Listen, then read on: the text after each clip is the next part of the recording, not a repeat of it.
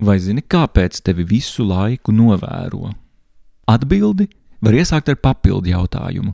Vai esi kādreiz domājis par to, kādēļ nāves sots ir problēma? Piemēram, kāds var nogalināt 80 cilvēkus, bet tas tāpat būs jautājums, ko ar šo slepkavu iesākt. Nu taču vajag nogalināt. Tā vietā diskusija ir par to, kādus apstākļus slepkava pelnījis savā luksus klases kamerā. Patiesībā ļoti vienkārši. Nāvisods neizpildu, jo tas nav izdevīgi. Proti, tas ir nepraktiski un neekonomiski. Nāvisods nav produktīvs risinājums. Sodīšanas prakšu un efektivitātes vēsture ir labs atspēriena punkts, kuru izmanto Mišels Foucault, lai runātu par varas transformācijām, kas datējamas ap 17. un 18. gadsimtu. Šajā laika posmā iezīmējas pāreja uz pavisam jauniem varas un sabiedriskās pārvaldības mehānismiem, kur centrālo lomu ieņem disciplīna, rodas disciplinārā vara, un tā ir cieši saistīta ar novērošanu.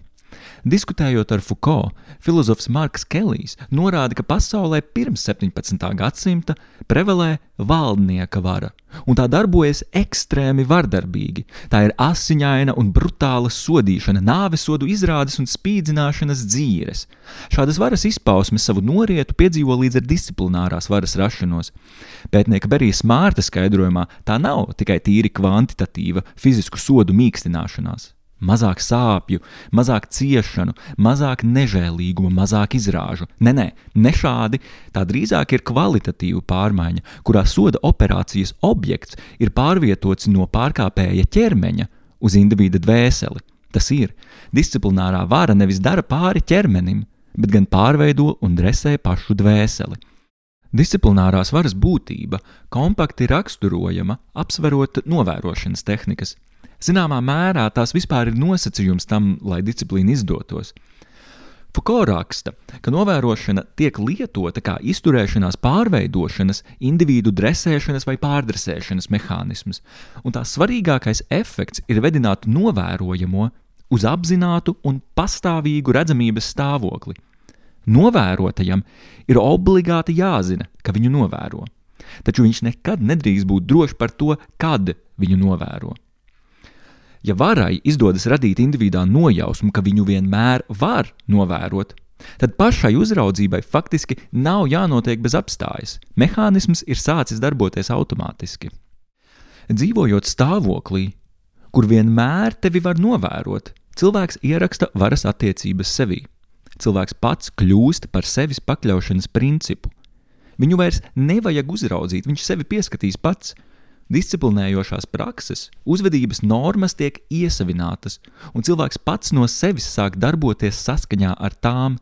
Disciplinārie spaidi atstāja nospiedumu uzvedībā, un žestos rodas šiem spaidiem pakļāvīgs ķermenis. Foucault par paradigmatisku piemēru izraugās tā saucamo panoptikonu.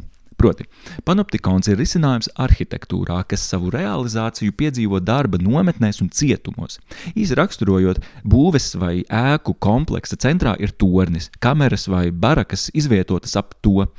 No torņa paveras skats pār visu kompleksu, taču ieslodzītiem ir jāatņem jebkura iespēja izdibināt sargu grafikus un dežūras.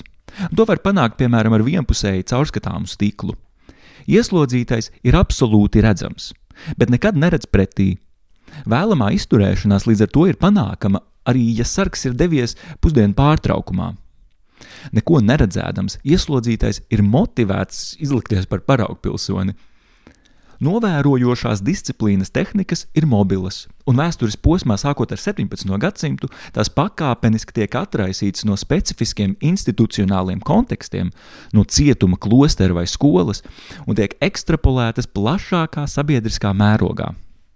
Meklējot mūsdienu pieredzē draudzīgāku piemēru, var norādīt, ka panoptikonam līdzīgu funkciju pilda novērošanas kameras.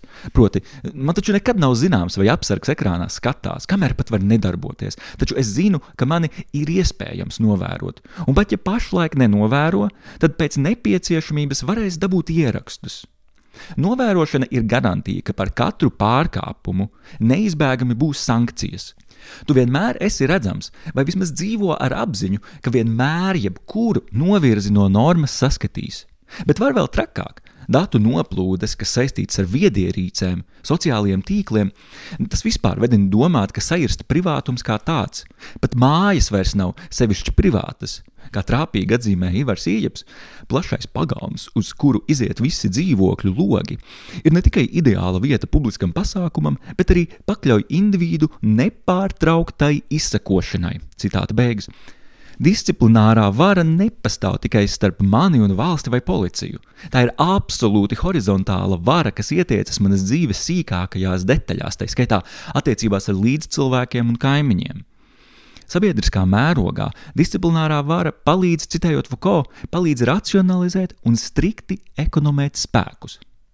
Proti, nav jāpatērē lieli resursi nepārtraukti disciplinējot cilvēku masas, Tā vietā, pareizajā novērošanas stāvoklī cilvēks to dara pats.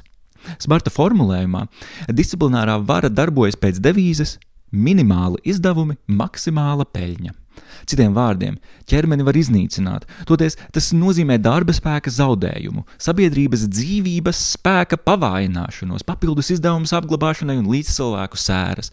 Tādēļ, lai nodrošinātu jo dzīvīgāku darba tirgus un demogrāfisko situāciju, sodāmais ir jāuzlabo, nevis jānonāvē. Produktivitātes vārdā mans ķermenis, visas manas izturēšanās kļūst varas attiecību piesātinātas. Vara ķermeni padara pakļāvīgu un produktīvu, ekonomiski un politiski noderīgu. Tevi un mani mūs novēro, jo pilnīgi visiem tā skaitā tev un man, tā ir izdevīgāk.